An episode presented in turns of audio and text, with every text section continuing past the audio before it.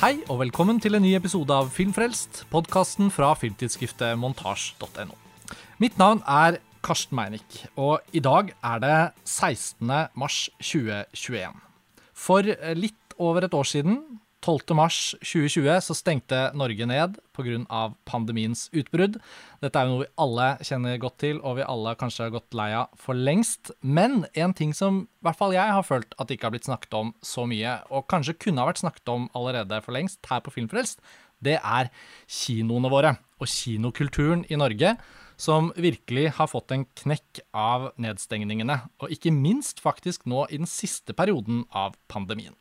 Så i den anledning så forhørte jeg meg med tre nøkkelpersoner, i hvert fall i den uh, kinokulturen jeg har tilgang til da, her på Sør-Østlandet, og hørte med tre kinosjefer om de kunne tenke seg å være med på en episode av Filmfrelst for å snakke litt om de tankene og erfaringene de har gjort seg ut fra det å drive kino inn i en pandemi, eh, perioder med åpen kino, perioder med nedstengning, og nå er vi jo på en måte på et slags eh, bunnpunkt, så det passer jo på en måte litt bra, hvis man skal ha litt galgenhumor.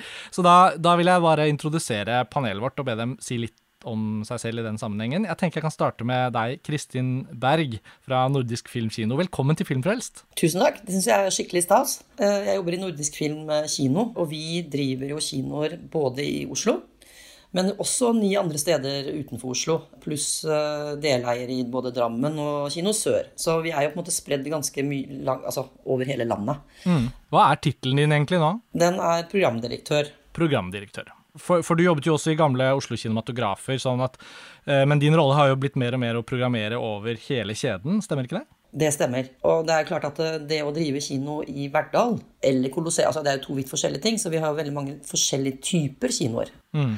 Så det er også veldig interessant og veldig spennende. Men eh, det er klart, selv om jeg sitter og programmerer og booker film, og har det overordnede ansvaret, så er vi jo helt avhengig av kinosjefene som på den enkelte kino, selvfølgelig. Mm. Uten en lokal og entusiastisk kinosjef på det enkelte stedet, så, så, går det jo ikke. Og så jobber jeg selvfølgelig sammen med min uh, kollega Mossan, som uh, jobber sammen med meg på program, så jeg sitter ikke helt alene og gjør dette her. Bra. Og det tenker jeg også at eh, mange i bransjen tar kanskje for gitt at man vet hvordan ting fungerer, men det er veldig fint å høre litt om den typen drift fordi dere er nettopp en sånn stor kjede. Og hvis vi skal gå videre til Jørgen Sødeberg Jansen da, fra Fredrikstad kino, velkommen til eh, Filmfrelst, Jørgen. Ja, takk. Du driver jo en kommunal kino som har på en måte et slags sånn kommunalt kinomonopol i Fredrikstad. Og det er jo en sånn type kino som jeg forbinder med norsk filmkultur når vi går tilbake noen år og tiår. da, At de kommunale kinoene var de som sto sterkt i hver sin by eller hver sin lille landsdel og sånn. Hvordan fungerer din rolle på Fredrikstad kino? Det er jo generelt sånn at jo, jo mindre en kino er, jo færre mennesker er det i administrasjonen. Jeg ligger jo et sted på midten, kanskje. Så der hvor Kristin kan være programsjef, så må jeg være både programsjef og markedssjef og, og kinosjef. Men på den annen side så finnes det mindre kinoer hvor du er kinosjef, biblioteksjef og svømmehallsjef i 10 stilling og sånn, så jeg skal ikke klage. Jeg klager ikke. Du er litt pressekontakt òg, for uh, som mange lyttere vet, så bor jo jeg i Fredrikstad, og innimellom så kommer det en liten melding i din retning om jeg f.eks. kan få komme på en liten pressevisning eller noe sånt som ikke er vanlig når man ikke egentlig har noen sånne kritikere som er på jobb i Fredrikstad til hverdags, da.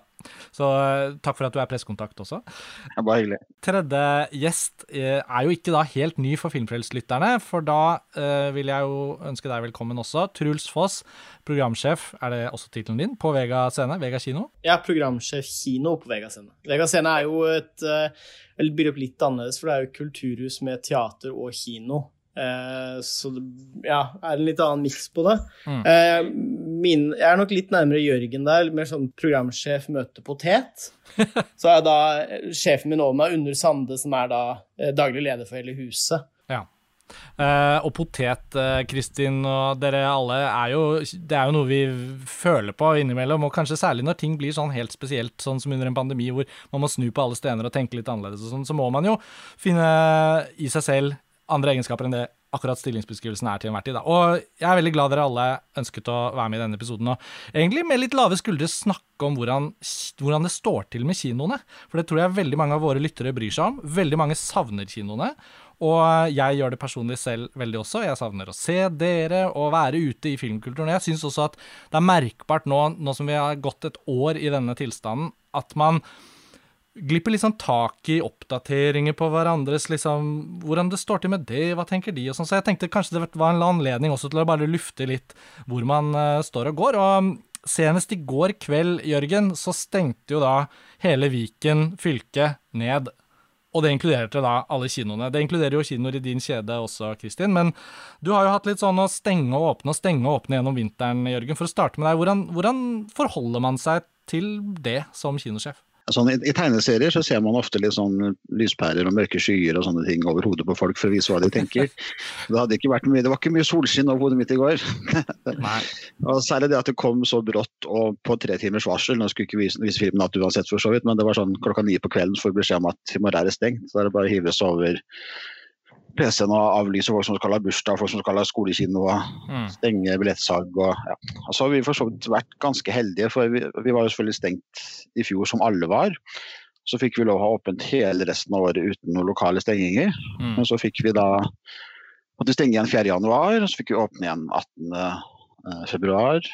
Og så måtte vi stenge igjen da i går, så vi fikk liksom 25 dager åpent. Og nå begynner det å bli sånn, når det er av og på hele tiden. Da da begynner det å bli ekstra frustrerende. Og bare kort som oppfølging til det, hvordan da responderer publikummet ditt? Altså, føler du at folk er såpass glad i å gå på kino at når kinoen er åpen og de føler seg trygge, så kommer billettkjøpene klingende inn i, i, nettbutikken på en måte med en gang, og så kommer folk på kino? Eller har det vært liksom vanskelig å få folk i gang igjen? Nei, Det tok lang tid. Vi åpna jo i mai igjen i fjor, og det, vi fikk spørsmål utover høsten har dere fortsatt stengt. Ja. Uh, så det var mange som ikke rakk nesten å merke at vi hadde åpna før vi stengte igjen, og, og omvendt, på en måte. Ja, så, det, så det, er, det, er vanskelig å, er vanskelig å henge med, rett og slett, for publikum å vite når det er åpent. Og vi vet jo nesten ikke selv snart. Nei.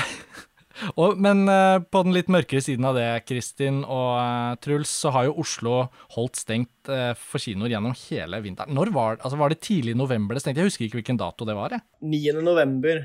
mandag 9. november stengte den igjen. Ja, Og siden da så har dere ikke kunnet ha åpent, rett og slett?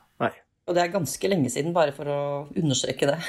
ja, det, og Kristin, jeg tenker på, selv om du har andre kino rundt i landet å på en måte jobbe med, selvfølgelig, det er jo mer enn nok å gjøre i de stillingene dere alle har.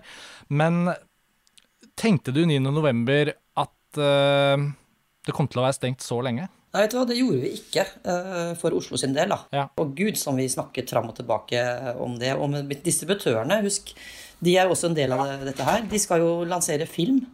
Og det kan vi jo bare levende forestille oss. Det er jo ganske umulig å planlegge og lansere en film som de skal ha en viss inntjening på. Samtidig skal de måte, ha en viss forutsigbarhet osv. osv. Eh, nå er vi jo for så vidt så heldige i dette landet at vi har eh, stimuleringsordninger og diverse støtteordninger som gjør det faktisk mulig også å lansere film. Mm. Men vi trodde, eh, for å komme tilbake til det du spurte om, at vi i hvert fall skulle åpne til jul. Altså i, i, slutten av november, begynnelsen av desember, så var jeg, jeg var ganske sikker. Og sånn som vi følger med fra uke til uke, dag til dag, smittetallene Å, går det ned? Nei, nå går det opp. Altså, man blir jo helt ko-ko i huet. Men så, så, ble jo også f.eks. en film som 'Den største forbrytelsen', som var liksom den store julefilmen, og den, den var jo den store julefilmen.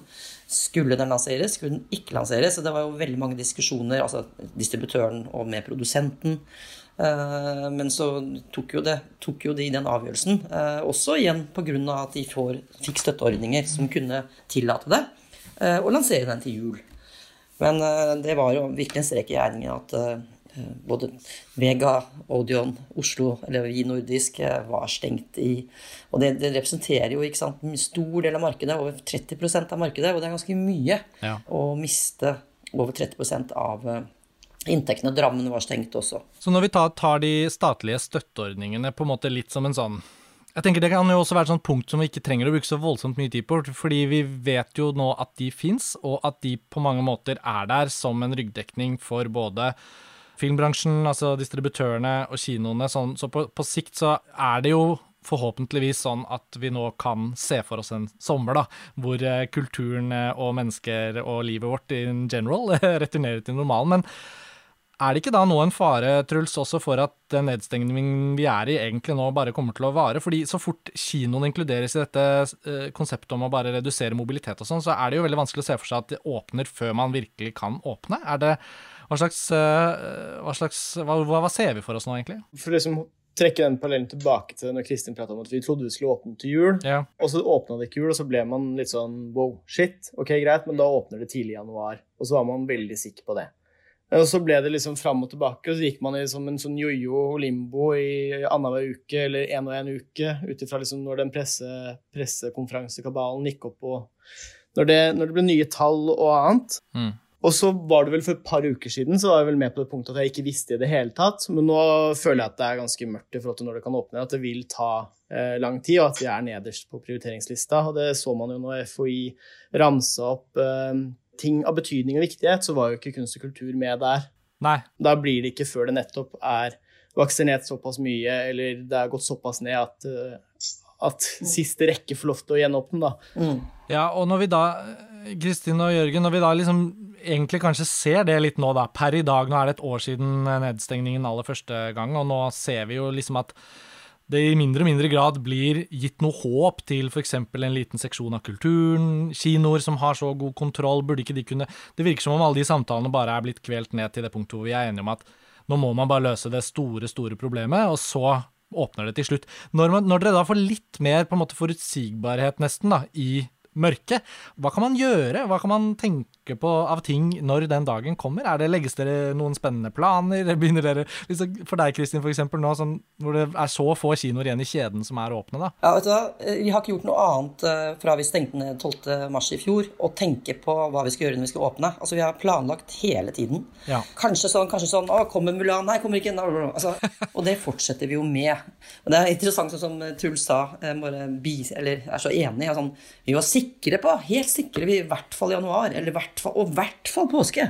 Det var sånn Å, heter det påske? Altså, det var sånn, vi har vært så sikre hele tiden på når vi skal åpne, da. Ja. Eh, Nå har jeg, driver jeg og har vært ganske sikker på at liksom 8. mai har jeg liksom fått for meg nå. Ja. Frigjøringsdagen. Men uh, vi, vi kan jo ikke sammenligne, vi har jo skjønt alt det der. Og så blir det utsettelse på den, den vaksinen der, og betyr det da at ikke vi er vaksinert sikkert før etter sommeren? Er det sånn det blir nå, da?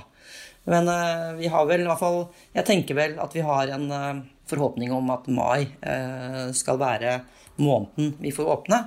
Eh, og for å igjen svare på det spørsmålet du spurte egentlig om, så ja, vi planlegger. Vi prøver å planlegge for alle mulige aktiviteter. For det vi vet også, vi ser jo at folk kommer tilbake i de periodene vi har åpne. Selv om det er også mange som tror at vi fremdeles er stengt. Så det er jo liksom Ja, fordi jeg tenker hvis vi skulle bevege oss litt over til liksom Nå har vi jo på en måte beskrevet litt av situasjonen og litt av de erfaringene vi har gjort oss med at det har vært pandemi og usikkerhet og oppstengning, nedstengning og åpning og alt dette. Men så er det jo veldig mange som skriver om en sånn stor bekymring rundt kinokulturen. Den identiteten rundt det å lansere film på kino, det å gå på kino, det å oppsøke kinoene det har jo oppstått en stor usikkerhet internasjonalt for hva, hva det er for slags holdning publikum nå vil ha til kinoen som sted. Alle mulige møtesteder nå. Hvilken skepsis er det vi kommer ut av pandemien med i forhold til smitte og andre mennesker? Men også hva slags behov, hva slags eh, savn etter den typen kollektive opplevelser. Eh, dette må jo være ting dere også nå tenker og knaker på i forhold til publikummet deres. Er det noen signaler dere plukker opp? Er det noen sånne ting dere har begynt å, å tenke på rundt det? Siste dagen, når liksom det var annonsert at siste dagen ble 9. så var det ekstremt god stemning på huset, og nesten liksom utsolgt på alle visninger. Og det var en sånn veldig Hva skal jeg si for noe? Det, det var en litt redsel for å gå glipp av siste dagen med å dra- kunne dra på kino. Og det var en skikkelig oppløftende følelse som fortsatt henger i. altså. Så selv om du har liksom mye av den tunge pessimismen rundt at hva, hva, hva går man egentlig tilbake til, og da er det jo mange diskusjoner man kan ta om ulike aspekter ved det. Men det i forhold til hva publikum har lyst til, så, så stiller jeg meg ganske positiv. Jeg, jeg tror at jeg hørte Thomas Hylland Eriksen på, på Ekko i dag tidlig, og han, han var veldig bestemt på at ting kommer til å gå tilbake til normalt. Vi er ikke så tilpasningsdyktige at ett år eller to år med pandemi kan vippe oss helt av pinnen og gjøre at vi endrer livet vårt for alltid. Og jeg velger å tro det i forhold til kino òg. Jeg er så enig med Truls. Og jeg er, altså jeg er virkelig optimistisk med tanke på at folk kommer tilbake. Altså den kanskje litt uh, åpenbare sammenhengen med det å spise på restaurant, spise hjemme, altså alt det der. Altså, vi lengter jo etter å gå ut og sitte sammen og spise. Eh, og alle folk jeg treffer, eller alle og alle, mange i hvert fall, sånn 'Å, jeg lengter å gå på kino igjen.' Og jeg tror ikke det er bare mine venner som gjør det. Uh, og jeg, jeg syns det er så fint. Men det er klart, det vi er avhengig av, er jo at vi har filmer å vise. Så vi er ikke noen kino hvis ikke vi har noen gode filmer å vise. Og det er klart at uh, vi trenger både Hollywood, vi trenger Tom Cruise. Uh, vi trenger James Bond. Ja. Så trenger vi alle de gode filmene i alle mulige sjangre. Uh, så det er jo kanskje Og ikke minst de norske filmene. Jeg vet ikke om vi skal snakke om det etter hvert, men sånn som til høsten kommer jo til å bli, hvis vi får åpne, et, ja, en hva skal jeg si da, et luksus Kaller det ikke problem akkurat, men fordi det blir så mye film. Ja, altså hvis det åpner gjennom sommeren, og at vi kan gå inn i en høst med noenlunde normalitet, så ser det jo kanskje ut til å bli liksom tidenes mm. eh, kinohøst, da, fordi det er så mange filmer som har bygget seg opp på vent. Eh, Jørgen, du har jo da kunnet åpne eh, en gang, i hvert fall nå på nyåret i 2021. Da var det jo en film som Wonder Woman 1984, som har jo blitt en sånn merkelig tittel. Den er både litt sånn en strømmetittel og litt grann en kinotittel og sånn. Eh, hvordan tenkte du rundt eh, tilbakemeldingene fra Fredrikstads kinopublikum eh, da de fikk komme tilbake på kino igjen? Nei, da hadde jo vi bare stengt det bare 40 dager, så det var greit å kunne åpne med den, men den ble heller ikke lansert så stort, da, i og med at vi visste at var, Oslo var stengt og den skulle på strømming og sånn. Uh, så det er egentlig mer interessant å se på høsten. Uh, når vi hadde Burning 3, så inntil, inntil ting begynte å bli verre igjen i november, så gikk jo den veldig bra. og hadde et vi hadde en oktober som ikke var like bra som vanlig, men det var ikke langt unna. Altså. Vi, både, både, juli og oktober, når vi hadde Knerten i juli og Burning i oktober, så hadde vi faktisk et, noe som begynte å ligne på normale dager. Og Da trodde vi kanskje at nå skulle det fortsette den, rette veien, og så gikk det jo heller ja, lyset i tunnelen var et møtende tog, rett og slett. Ja, men Jørgen, det er interessant at du trekker inn de to norske filmene der, for det følte jeg også var eksempler på hva man kunne utrette med lokale titler når Hollywood ikke var der. Da. At altså, norske filmene var jo plutselig utrolig viktige for den perioden under pandemien hvor kinoene faktisk var åpne. og så, så, du det som et sånt positivt tegn for fremtiden også? At det var såpass bra for Burning 3 f.eks.? Jeg har sagt noen ganger at det måtte en pandemi til for å få norsk film om sommeren. og, Knerten og sjøormen, hvis den hadde kommet på høsten og konkurrert med et par andre amerikanske og norske filmer til høstferien på helt vanlig vis, ville den ha gått dårligere. De tok mm. en sjanse på sommeren, tok Min igjen sin ledige plass. og og tjente på det. og Gjorde at den gikk mye bedre enn den ville gjort ellers. Mm. Uh, Knutsen og Ludvigsen opplevde jo å gjøre det bra. Mens mm. Burning uh, gjorde det bra, men så mista de Oslo etter tre-fire uker og så, mer av landet. Så de mista jo fort 100 000 besøk på slutten der, men fram til Oslo stengte, så så det også veldig bra ut for Burning 3. Men det som er interessant, bare en kommentar til det også, at selv etter at Oslo stengte i tidlig november, sånn som Gledelig jul, da f.eks., den fikk jo en helg i Oslo. Mm. Og selv filmer som uh, Gledelig jul, Jul på Kutoppen eh, 'Dragevokterens jul', altså de norske julefilmene, eh, har gjort det superbra. Eh, med tanke på at ikke 35 eh, av markedet var på plass. Så, bare, altså, så det, det, var en, det var virkelig en Hva skal jeg si de, hvis ikke vi hadde hatt de norske filmene i høst, så hadde vi kunnet uh, gravlegge den høsten på kino. Nesten alle filmene på topp ti hos oss i fjor var norske. Det var mm. Tennet og et par altså, rakk noen, noen utenlandske kommer før vi stengte, men det er en veldig bra norskandel i fjor på topp ti-lista vår. og en film som eh, Et glass til av Thomas Winterberg, Truls, den gikk jo også veldig bra i det stille vinduet, det lille vinduet på høsten der. Hvis man ser på noen av de såkalte kvalitetsfilmtitlene, da, så, så så jeg jo at den endte jo opp med et veldig solid besøk, i hvert fall etter Arthouse-målestokk. Hvis vi tar vekk Parasitt, da, distributøren Arthouse henviser jeg til nå, hvis vi tar vekk Parasitt som gjorde det så utrolig bra, så var jo faktisk den Et glass til en sånn sjelden hit for dem. Hvordan var visningen av den på Vega f.eks., der før dere stengte? Jeg syns det, var litt, det var litt morsomt løp på høsten også, fordi det ble Et glass til og Sofia Coppolas On The Rocks, som ble våre to liksom, store vinnere her. Eh, så det ble liksom filmer om eh, sosial sammenkomst og alkohol, på godt og vondt. det er jo pandemien i et nøtteskall. Alkoholens tidsalder. Og det gikk liksom jevnt godt gjennom oktober og ut den bitte lille delen av november som vi hadde. Mm. Selv liksom den lille korte filmen på 56 minutter til Gaspar Noé, Luxa Terna, mm. klarte liksom å fylle ganske decent. Den skulle jeg inn og se på Vega, vet du. Og så glapp det med pandemi og nedstengningsgreier, og til slutt så gikk det ikke. Det var uflaks for meg. Det er nok mange publikummere som føler det sånn nå. At liksom vi, vi, vi, som jobber med dette, har jo også anledning til å se film på mange forskjellige måter og få tilgang til å liksom følge en digital på en festival, noen markeder. Det, liksom, det ordner seg jo med å få se filmene, selv om det ikke blir det optimale. Men jeg tenker jo ofte på eh, publikummet som elsker film, men som på en måte ikke har sånne små tilgangsportaler innad i bransjen som f.eks. vi fire har. Da. Da hører jo om veldig mange som savner og ikke vil se en film på nett hjemme, fordi de vil se den på kino og spare den. Kan jeg spørre dere alle litt, eh, kan begynne med deg, Kristin. når det åpner igjen, du, ser du for deg at det kan bli aktuelt for dere å også gi noen av de filmene som glapp litt, en mulighet til? Vet du hva, Det kommer vi absolutt til å gjøre. Mm. Uh, og nå begynner det å bli mange av dem, da. ja. ja. for nå tenker jeg ikke på de som er helt utsatt og aldri vist, men jeg tenker på de som ble vist litt, og så forsvant de. Ja, men det også. Uh, så jeg vet jo ikke helt hvordan vi kommer til å klare å liksom håndtere det når vi åpner i Oslo igjen.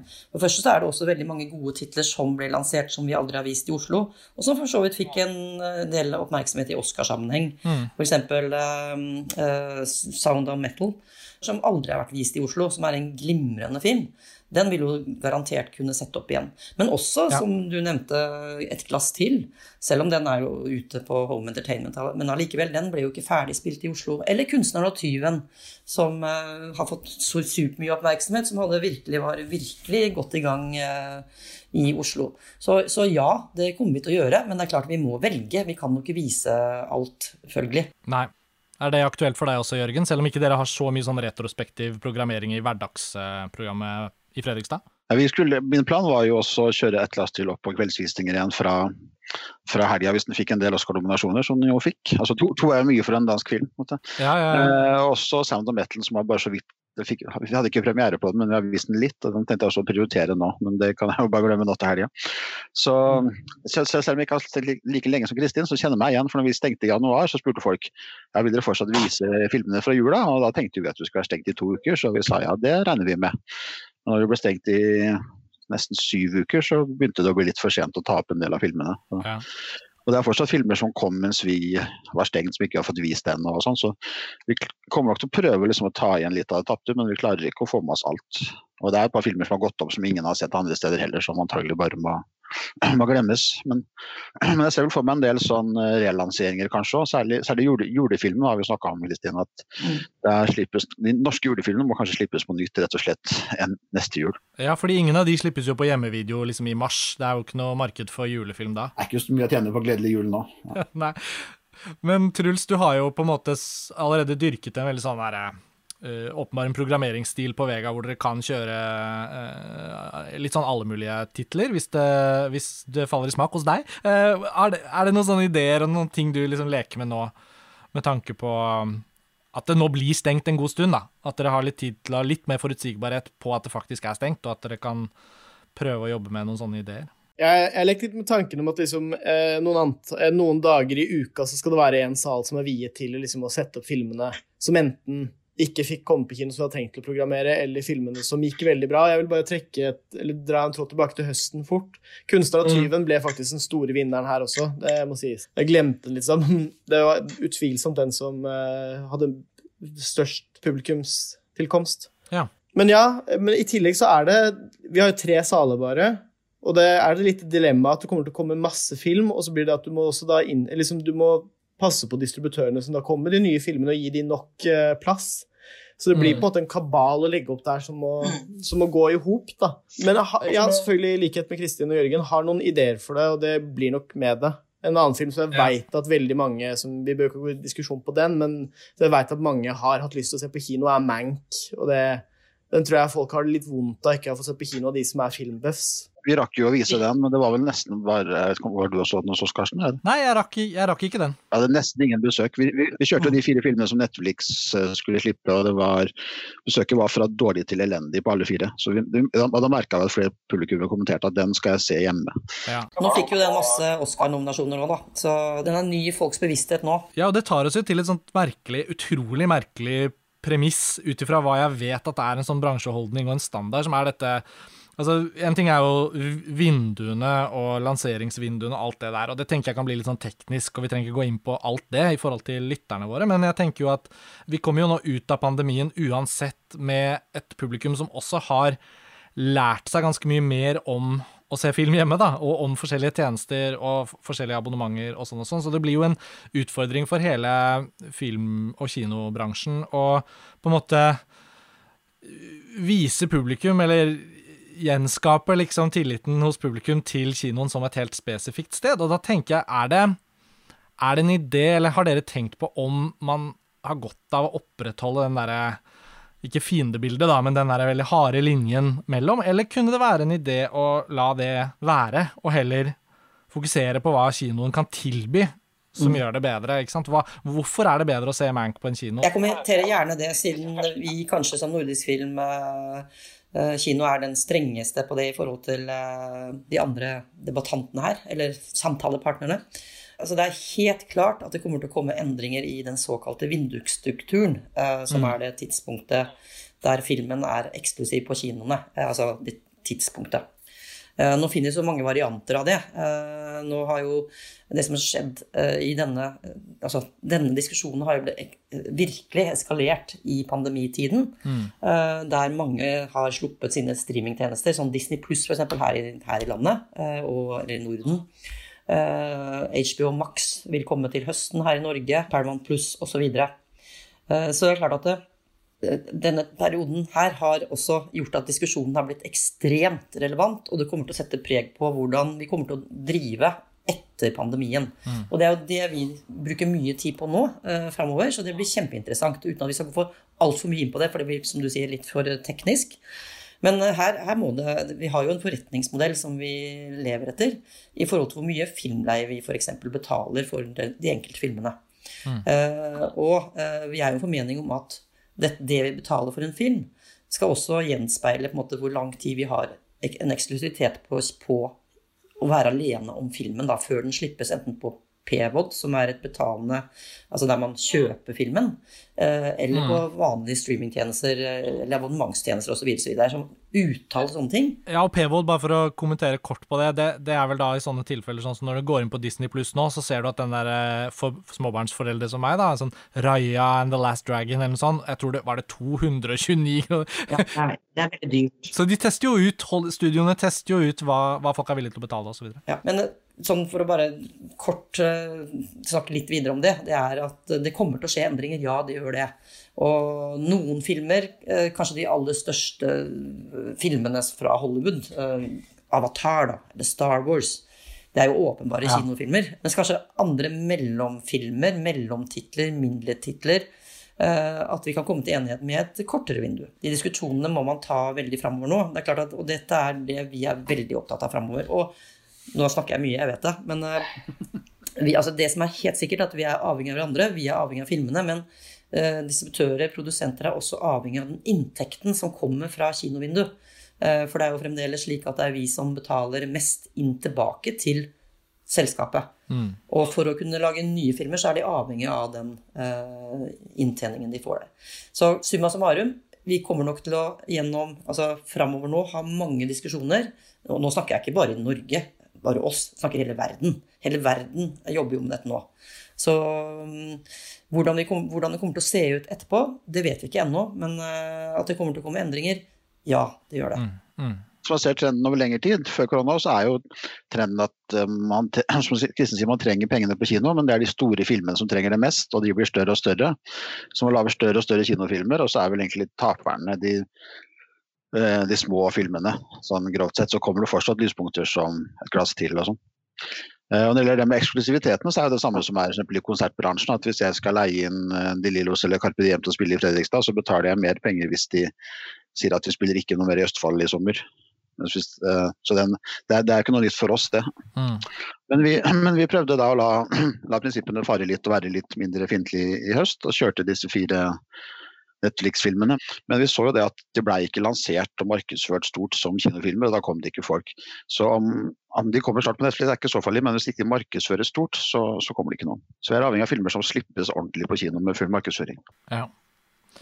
Uh, jeg vet ikke i hvor stor grad dette, denne problemstillingen er aktuell uh, for dere på Vega, Truls. Men uh, for å liksom ta det Kristin og Jørgen sier et hakk videre, da, så er det jo tydelig at noe av det som kommer til å skje, i hvert fall sånn som jeg ser det, er vel at ting blir veldig mye mer ned på, på en måte, ikke, Om ikke enkeltfilmer, da, så i hvert fall ned til sånne enkelttilfeller. At uh, kanskje man i mye større grad blir sittende og måtte håndtere små uh, ting hver for seg. At programmering kan bli enda mer sånn detaljstyrt. Er det, er det, hvis det blir sånn, er det eventuelt en positiv eller negativ utvikling? Der føler jeg egentlig ikke at jeg er den rette til å svare, for jeg sitter uansett med så, liksom, det å hente inn da Luxateirene, eller sitte med disse Netflix-titlene som vi jo har vist og hatt gode tall på tidligere, så jeg sitter jo i stor grad ofte med titler som man skal markedsføre til et spesifikt publikum, så er publikummet som kommer til huset, fremfor den litt mer klassiske modellen hvor det er en stor nasjonal markedsføring. Det, vi tjener jo selvfølgelig kjempemye på det på de aller fleste filmene, men vi har også sikkert flere av de, de, andre, de filmene vi jobber alternativt med. da. Mm. Så i min strategi så ser jeg for meg at det kommer til å fortsette å være ganske likt. Ja. Det er jo spennende å se at markedsføring faktisk spiller en rolle. for Jeg har sett, jeg har sett en del filmer i vinter som man har sluppet fordi man kunne ikke holde på dem lenger. Men siden Oslo ikke var med, så har man ikke brukt noe penger på markedsføringen. Og Det ser vi veldig godt på besøket. At når markedskampanjen er borte, på, mm. så, så, blir besøket deretter. Ja, For det er jo et økosystem, Kristin, hvor alle tingene ja. på en måte er avhengig av hverandre. Hvilke erfaringer har dere sett fra dette vi er inne på nå? Uh, nei, men det er jo som, som Jørgen sier også. Altså når f.eks. Netflix, da altså den, altså Når Netflix skal ha f.eks. Mank da, eller en av de andre filmene, så har de jo noen dagers eh, vindu bare fra kino. Og da bruker de jo egentlig kinoen som måtte, et lanseringsvindu, lanseringsplattform, for in, mm. sin egen strømmetjeneste. Så det er klart at det, det, er jo sånn som ikke vi altså, uh, kan være med på. At vi kinoer egentlig bare skal være en sånn lansering inn til enten å få en Oscar-nominasjon eller inn til deres egen strømmetjeneste. Men det økosystemet, som du sier, altså vi er jo igjen avhengig av hverandre. Det handler veldig mye om økonomiske betingelser her. Det er en forretningsmodell som ligger i bunnen. Vi, vi, kan ikke snakke pris og hva vi betaler og den type ting her i det hele tatt, men det handler jo faktisk i bunnen altså, om økonomi.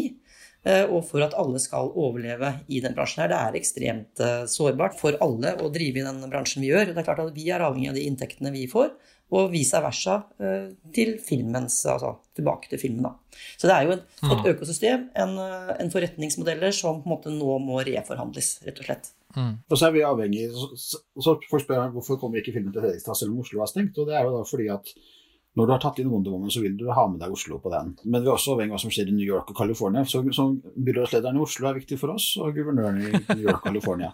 Nå har jo New York og California begynt å åpne opp, eh, men Raymond holder hardt på Oslo, og nå har Bent stengt eh, Viken. Så, så, nå hjelper det ikke oss. Men, men, vi, men, for oss vi skal få film, så er vi avhengig av at alle er åpne. Så vi sitter ikke liksom og ler av at Oslo er stengt. Det er like tråkig for hele landet. Mm.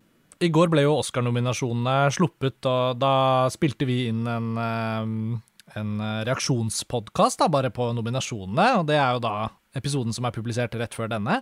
Og en av de tingene vi stoppet opp ved, var jo at vi, vi så jo at pandemien har forårsaket at nesten all Oscar-film i år nesten ikke har vært på kino, uh, liksom internasjonalt. Uh, det er jo selvfølgelig små, små, ulikheter der, men hvis du dropper alle de internasjonale småfilmene som har vært på kino i sine respektive hjemland og sånn, og, og ser på liksom det store bildet der, så er det jo nesten så kinodelen av det er litt forsvunnet, da. Og når du har ett eksempel, Tenet, som tross alt er en teknisk kapabel film til å være nominert i mange kategorier, så er heller ikke den nesten nominert, da.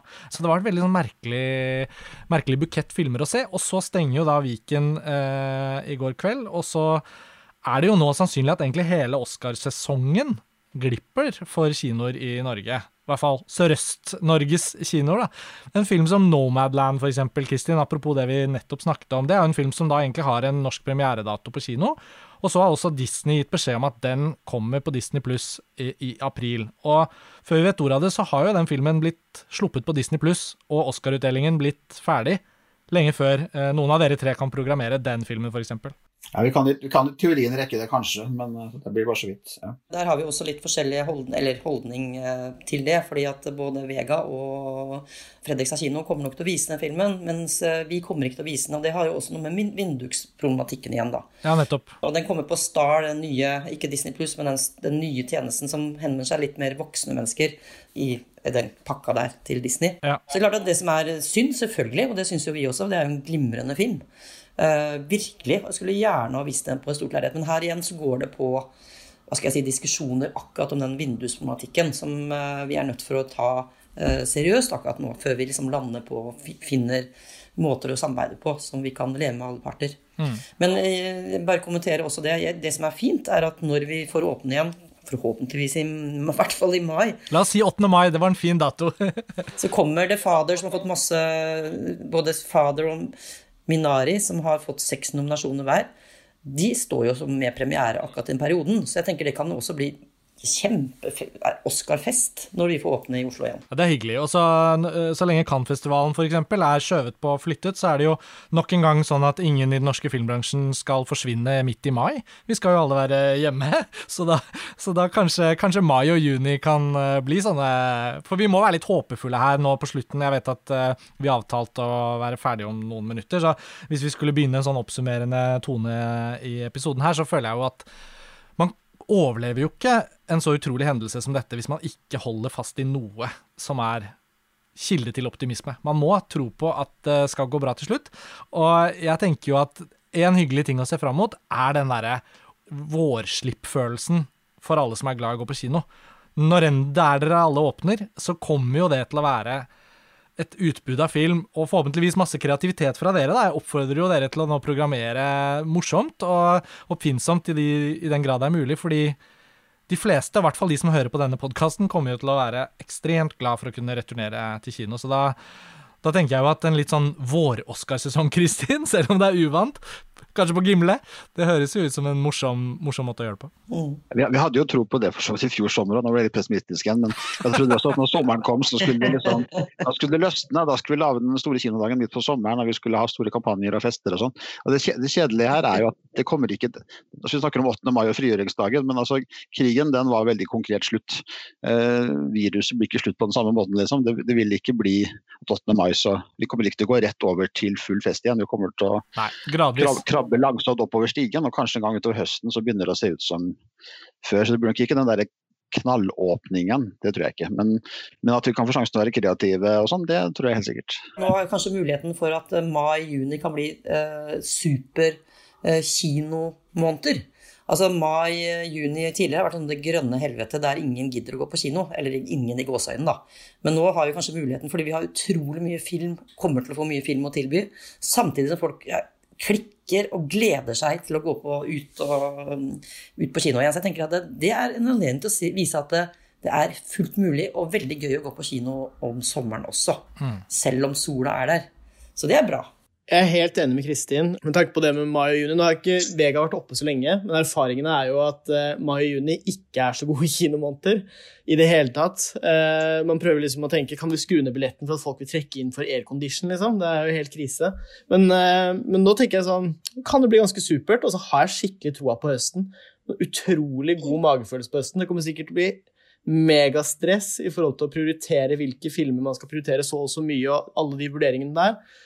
Men uh, jeg ser for meg at det kommer liksom til å bli uh, forhåpentligvis en slags sånn folkefest i Kultur-Norge. Hvis jeg kan være litt optimistisk, her, så er jo fordelen vår at vi kan åpne igjen altså vi kan åpne igjen om en halvtime, altså hvis vi kan. Mens, så, mens konserter, festivaler, teater trenger å få øvd og ligge av og planlagt litt. Så vi vil jo være det første kulturtilbudet som åpner, og vi kan kjøre på Vi kan ha full fart med en gang. Og vi har også fordelen at vi kan vi kan kjøre Tennet 200 ganger. Vi. Så hvis vi må åpne med maks 50 i salen, kjøre, eller maks 20 i salen, så kan vi kjøre mange mange forestillinger. Men du får liksom ikke da et band til å spille 200 konserter i Fredrikstad for å ta inn, ta inn besøket, liksom. Så vi er, vi, vi er i hvert fall det kulturtilbudet som fortest kan komme i gang. Og vi har og vi har artistene våre på, i opptak liggende klare til å komme oftere for oss med en gang. Mm. Ja, og hvis jeg husker rett fra i fjor, så er det vel også noe med at kinoene kan faktisk også vise til at man har luftanlegg, markerte seter selvfølgelig, digital du, du kan gå alene og sette deg Altså, jeg har en sånn drøm til sommeren, Kristin, om å bare komme inn og sette meg på bakstrad på Coliseum og ha liksom 200 meters avstand til nærmeste person og se en eller annen Fast Furious 9 eller noe sånt. Det kunne vært eh, stas. Så det er jo noe med det òg, at det er liksom pandemivennlig nesten hvis man først mm. er enige om at smitten er nedadgående, så er jo kinoen også eh, et sted hvor du gjerne sitter med litt avstand, så at den lyden av den bacon crispen forsvinner litt sånn ut i venstrekanalen. Når, når man har stengt kinoen i diverse runder nå, så har det aldri vært fordi man mener at det er smittsomt å gå på kino, men det er fordi man vil ha ned mobiliteten i samfunnet, som det heter. Altså Man stenger kinoen for at folk skal sitte hjemme i sofaen. Ikke fordi det er farlig på kinoen, men fordi den vil at folk skal bli i huset og ikke gå ut. Mm. Man har jo vist flere ganger at det er ikke et sted i verden hvor det har vært et smitteutbrudd på kino. Nei. Og så må jeg også si, jeg må virkelig si, for jeg, jeg gleder meg skikkelig til eh, våren nå. Uh, Oslo Pix er en filmfestival vi har eh, både, eh, altså her i Oslo, både på Vega og på våre kinoer. Mm. Eh, og jeg håper og tror, krysser alle fingre, for at det blir den fysiske festivalen. Og den får begynner i slutten av mai og går inn i første uken i juli, nei, juni. Vet du hva, jeg gleder meg sånn skikkelig til det. Jeg tror det blir en skikkelig fest, rett og slett. Kanskje det er den første i hvert fall festivalen vi endelig kan gå på, og folk endelig kan gå på. Ja, for uansett hva vaksinenyhetene sier med stopping og pause og ditt og datt, så blir det sakte, men sikkert flere og flere vaksinerte. Og uansett hvordan vi vrir og vender på det, så er det jo også sånn at våren gjør at vi får noe av den samme sånn frilufts, uh, smittevennlige friluftsaktivitetsorienteringen. Uh, så det er ikke usannsynlig det du sier, at uh, med de begrensningene som sikkert kommer til å følge med, så kan jo faktisk Oslo Pix bli, bli festival. Og kanskje Kortfilmfestivalen i Grimstad også. Mm. Jeg håper så inderlig at det blir, at Oslo Pix blir, og at det blir Jeg har da en følelse at det kommer til å bli helt strålende. Bare kunne møte folk, ha samtaler Eh, har regissørsamtaler. Jeg tror det blir så gøy, det her, altså, dere. Så vi må bare altså, Jeg er skikkelig optimistisk. Vi bare kommer oss gjennom eh, Har vi kanskje sagt noen ganger det òg, men denne siste runden, som det heter. Siste kneika til Erna. Men dere, tusen takk for at dere hadde anledning til å være med her i en eh, podkastepisode. Vår tilmålte tid tikker mot slutten. Jeg tenker jo også at vi vi har jo fått, uh, fått kommentert litt på noen av de nøkkelpunktene, og det er jo litt sånn uh, jeg tror ikke man trenger å ha inn all mulig pessimisme, for den får vi jo servert på nyhetene hver eneste dag. Uh, jeg syns det er ålreit å tåle litt mer optimisme enn kanskje hva som er 100% realistisk, og så får vi se. Og Jørgen, du tok deg jo av litt sånn bothsidism der, uh, så det, det, det, tenker jeg kommer til å fungere fint. Jeg vil bare på vegne av oss i montasje i hvert fall takke for at dere holder fanen høyt for kinoene der ute i jobbene deres, og så gleder vi oss til å komme tilbake og gå på kino når den tid kommer. Kristin, Jørgen og Truls, tusen takk for at dere var med på Filmfrelst. Så kan det jo hende at dere kommer tilbake da heller før enn senere, så kan dere gi oss en oppdatering når vi nærmer oss høsten f.eks. Og kan jeg få en siste replikk? Det kan du. For vi, vi, rakk jo da ha åpent 25 dager nå før vi måtte stenge igjen. Og da rakk vi faktisk på torsdag nå å få besøk av uh, Dennis Storøy og Iben Akkeli og Henrik Martin Dalsbakken. Så vi rakk jo å ha en kveld hvor vi gikk ut og spiste sammen med dem og hadde en lang filmsamtale med publikum etterpå. og sånn. Så, så, i noen få timer forrige uke så var verden faktisk helt normal igjen. Ja, det Henrik Martin Dalsbakken har jo rukket å lage to filmer som begge blir pandemirammet. Det er uh... Det er en slags rekord. det går inn i historien. Ja, og han fortjener, han fortjener jo i så tilfelle at publikum noterer seg at de filmene må vi alle oppsøke og gi en liten støttende skjerv når tiden kommer. Får ønske dere en uh, god lockdown og, og, en fin vår eh, videre. Så snakkes vi igjen snart. Takk. Ha det. Ha det.